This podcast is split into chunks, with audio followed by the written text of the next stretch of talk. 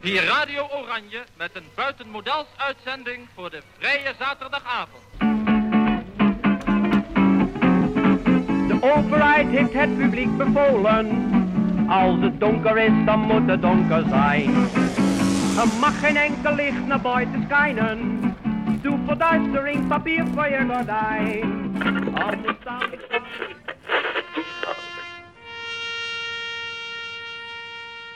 Bezet. Audiomonumenten van de stad Amsterdam.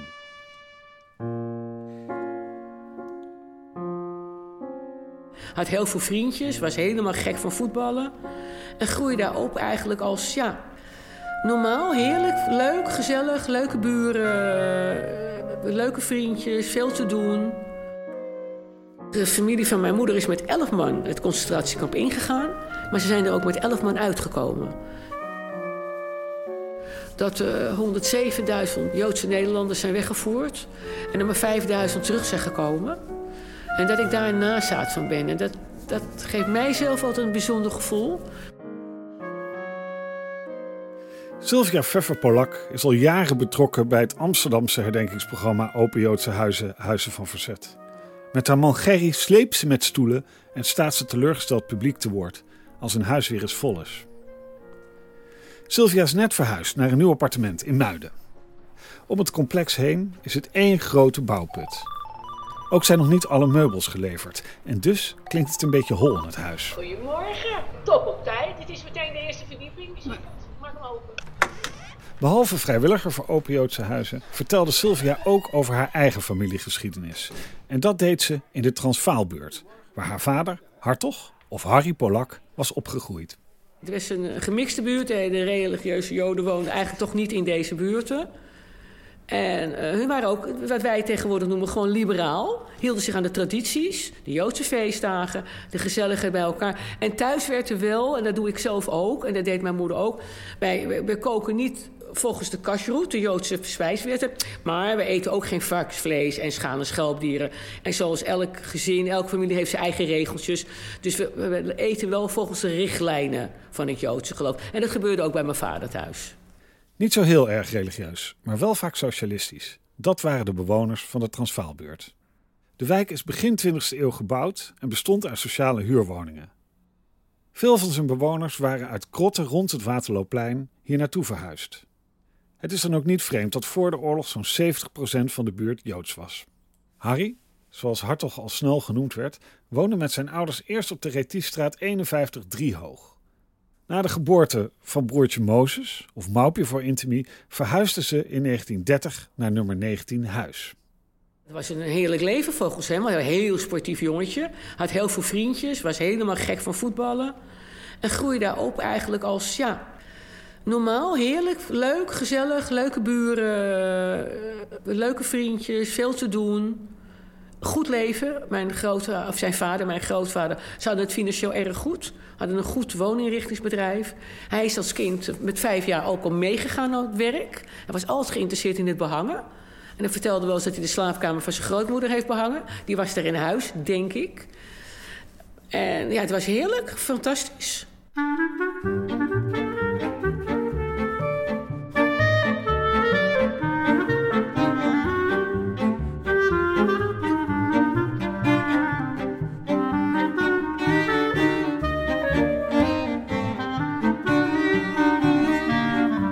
De moeder van Sylvia, Rijntje Santoano, werd in 1931 even verderop in Oost, in de Ruisstraat geboren. Ze verhuisde later naar het Waterloopplein 57 Huis. En dat was een buurt waar de familie in eerdere generaties ook al gewoond had. Mijn opa was en bakker en verhuizer. Want mensen hadden allemaal twee banen natuurlijk. Mijn opa was een bokser met zijn, met zijn broer samen. Er waren echt jongens van de straat. Worstelaars en boksers. Maar er waren bijna alle Joodse jongens die een beetje sterk waren. En ze hebben het voor de oorlog goed gehad. Ja, er werd gewerkt, dus er was brood op de plank. Mijn opa en zijn broers waren echt wel... Uh, ja, ze waren klein allemaal. Ik denk, nou, niet boven de 1,65, 1,66. Me zo herinner. En het waren gewoon sterke jongens. En uh, ze hebben het gewoon heel, wat ik weet, gewoon gezellig gehad. Ook voor de oorlog. Er was veel harmonie op de trappen met elkaar. De buren kenden elkaar. Als iemand niet te eten had, werd er een pannetje soep neergezet. Ja, Het was geen rijkdom, maar het was rijkdom qua sociaal, denk ik gewoon. Ja. De families hadden een tamelijk zorgeloos bestaan, tot in de jaren 30 steeds meer onrustige berichten uit Duitsland kwamen. Harry merkte in 1937 voor het eerst dat er echt iets aan het veranderen was. Toen hij naar de vakschool uh, voor de stoffeerders ging, toen merkte hij eigenlijk voor het eerst dat hij Joods was. Hij werd op die school anders behandeld. Als hij helemaal perfect een, kussentje of een krukje of een stoel stoffeerde en een waspietje precies, dan moest hij het overdoen. En dat vond hij raar. En later kwam hij er toch achter dat uh, degene die daar les gaf uh, toch erg op de Duitsers was georiënteerd. Die was echt lid van de NSDAP. Maar dat wist hij pas later natuurlijk. Dat vond hij raar. En toen werd er in de buurt ook af en toe wel voor Jood gescholden. Maar voor je tijd heeft hij er eigenlijk nooit geen last van gehad.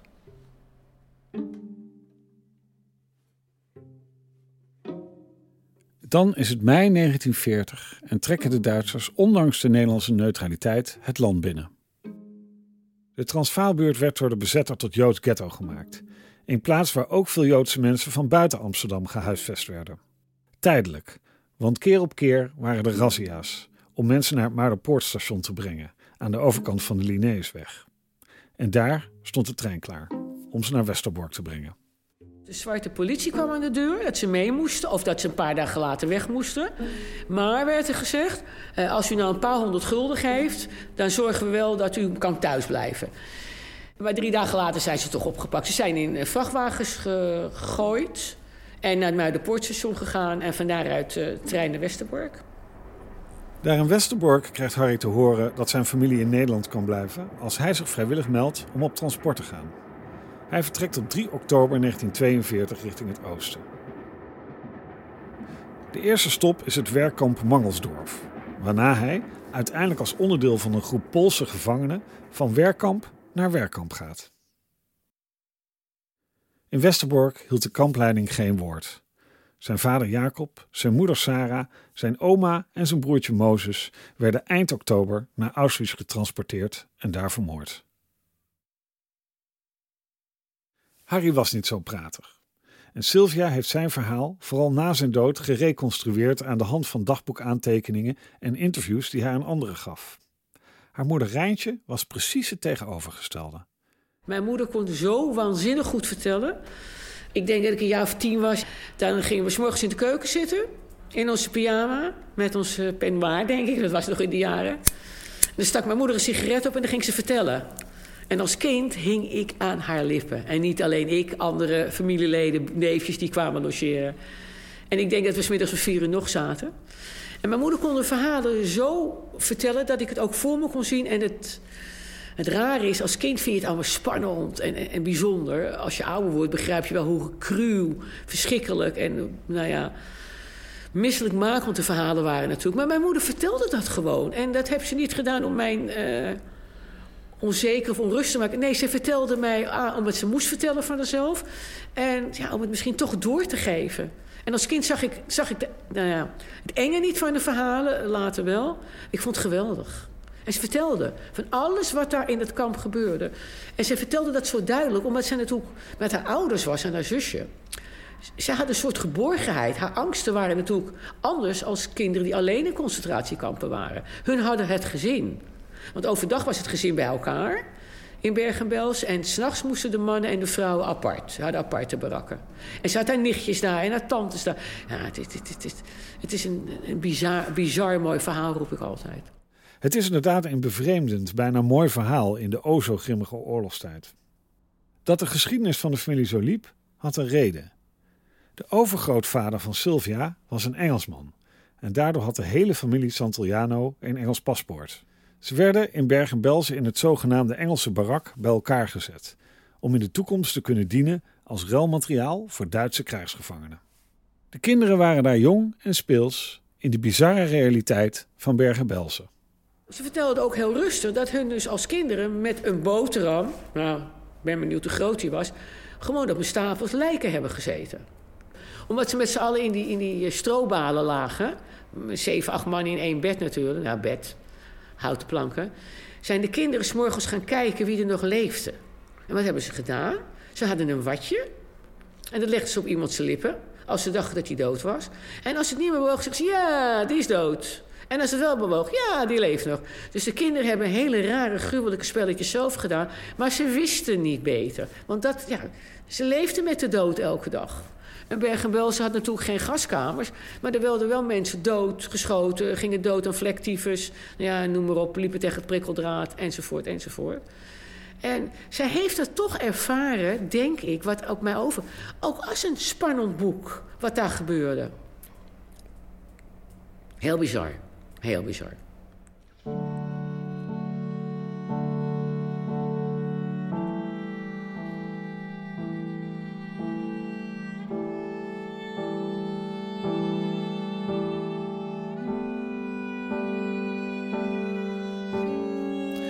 Tegen het einde van de oorlog rukten de geallieerden op en de nazi's wilden hun Engelse, Franse en Amerikaanse ruilmiddelen in Bergen-Belsen veiligstellen. Iedereen met een geallieerde of dubbele nationaliteit werd per trein verder landinwaarts vervoerd. De familie Santillano zat in de derde trein, die later bekend geworden is als het verloren transport. Opgejaagde Russische, Britse en Amerikaanse troepen reed de trein 13 dagen van hot naar her. In de veewagens heerste ondertussen de vlektyfus. Mensen stierven en werden tijdens stops naast de rails begraven. Tot de trein op 23 april 1945 verlaten gevonden werd door Oekraïense troepen. Ze zijn eindelijk in Treubitz terechtgekomen. Daar zijn ze in gebouwen terechtgekomen. Ik weet wel dat de Russen hebben gezegd: ga maar wonen waar je wil. Wat ik heel vervelend vind is dat de Russen toch ook de, de, de, vrouwen uit de kampen ook verkracht hebben, die jonge meisjes, vel overbeen. En op een gegeven moment kwamen ze erachter dat als ze dan maar zeiden dat ze vlektyfus hadden, dat de Russen wel met rust lieten. Nou, dat is ook gebeurd. Mijn opa, oma en eh, mijn moeder en haar zusje zijn in een of andere villa terechtgekomen. Mijn opa heeft de bewoners eruit gegooid. Ik weet nog dat die man zei: Alsjeblieft voorzichtig, want we hebben allemaal waardevolle spullen in de kelder. De bruidschat van mijn dochter. Daar hebben ze een paar dagen, week, ik heb geen idee, hebben ze daar gewoond. Mijn opa en zijn broer zijn het dorpje ingegaan. En hebben daar een kapperswinkel, de eigenaar, of die daar werkte, uitgegooid. En zijn in die kapperswinkel gaan werken. Ze zijn niet meteen terug naar Nederland gegaan omdat mijn oma niet dorst te vliegen. En uiteindelijk zijn hun dan via met vrachtwagens terug naar Nederland gegaan. En de dag dat ze het huis gingen verlaten, heeft mijn opa de hoofdkraan opengezet, heeft het huis onder laten lopen. Het waren toch Duitsers. En het enige wat hij mee heeft genomen uit het echte was... alles was er, goud, zilver, bestek, alles was er. Heeft hij vloetjes meegenomen voor zijn cheque... want mijn opa was een verwente roker. Alle elf leden van de familie Santillano overleefden het kamp... en de zwerftocht naar Treubitsch. Harry zwierf na de bevrijding ook door Duitsland. Zichzelf in leven houdend met klusjes en de roof van wat voedsel. De, kampen werden bevrijd, uh, wat ik zelf uh, als kind heel leuk vond natuurlijk... maar nu blijkt natuurlijk verschrikkelijk te zijn... dat hij op een gegeven moment in Berlijn terecht kwam. Daar heeft hij een paard en wagen bemachtigd. In zijn verhaal schreef hij dat het paard na 25 meter er weer ophield... want het paard had natuurlijk ook onder voeten al die jaren... En uiteindelijk is hij volgens mij met een vrachtwagen of met een trein, maar dat weet ik niet zeker, is hij in Amsterdam aangekomen. En ze hadden een afspraak, het gezin. Mijn opa, zijn vader, had uh, voor de oorlog een, zakenrelatie. Die meneer werkte bij uh, Rad en Dodenheven. Dat was een behangersbedrijf. En die man kwam op vrijdagavond altijd bij hun thuis in de Retiefstraat afrekenen. Want mijn opa heeft schijnbaar behang gekocht. En daar zijn ze schijnbaar goed bevriend mee geraakt. En er zijn toch wat spullen in de, voor, in de oorlog konden er onderduiken. Zoals de, de industrienaaimachine van mijn, overgrootvader, van mijn grootvader. Een zilver en een roze theeserviesje. En nog meer, meer spullen. En ze hadden afgesproken dat ze na de oorlog, in ieder geval... dat ze elkaar daar weer zouden treffen. Maar toen mijn vader daar aankwam... En vroeg, zijn mijn ouders en mijn broertje er al... Uh, toen moesten ze hem helaas mededelen dat die er niet waren... En toen heeft hij iets wat ik heel zielig vind, maar dat is natuurlijk vaker gebeurd. Dagen op het Centraal Station doorgebracht om te kijken als zijn broertje nou misschien terugkwam. Want die was klein, die was van 1930. Want hij hoorde dat er best wel kinderen misschien de oorlog hadden overleefd. En nou ja, dat was uiteindelijk niet zo. Had natuurlijk geen huis, had helemaal niets. En deze geweldige mensen op de Overtoom, die hebben nog een huis genomen. Dus een zakenrelatie van zijn vader. Die hebben in de gang in een kast hebben ze een bed voor hem gemaakt. En daar heeft hij een tijdje gewoond. Tot hij erachter kwam dat er nog een tante en een oom... de broer en de zuster van zijn moeder de oorlog hadden overleefd, de onderduik. En toen is hij uiteindelijk bij zijn tante in de eerste Jan van der Heidenstraat... 165, één hoog, terechtgekomen. En daar heeft hij eigenlijk gewoond tot hij mijn moeder leerde kennen... en ze zelf een gezin zijn gaan stichten.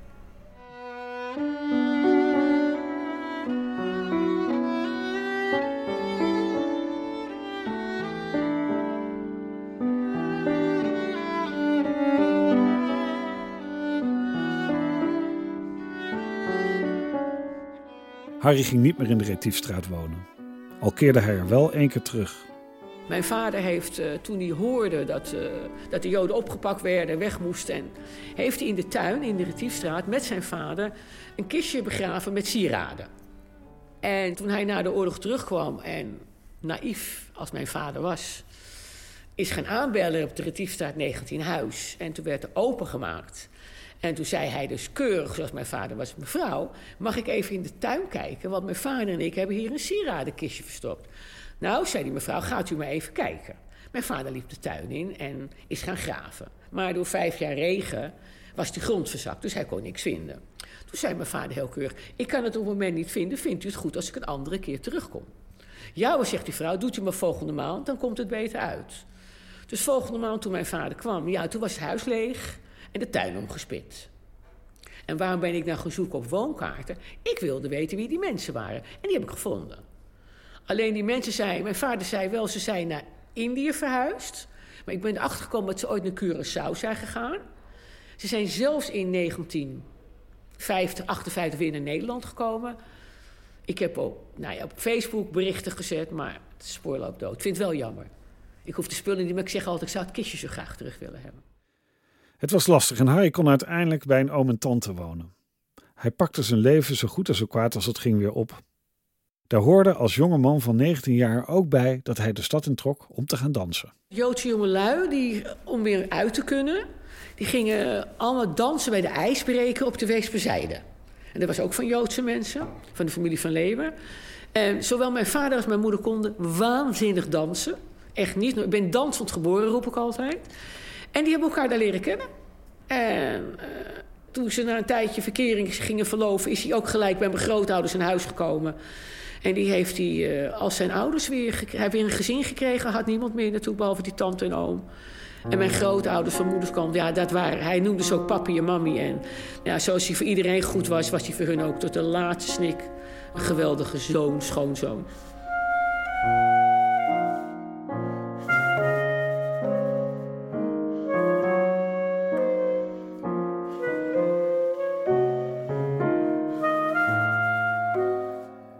Luisterde naar Praten en Zwijgen, een podcast gemaakt door Pieter Bas van Wiegen in opdracht van het Joods Cultureel Kwartier en het Amsterdams 4 en 5 mei-comité.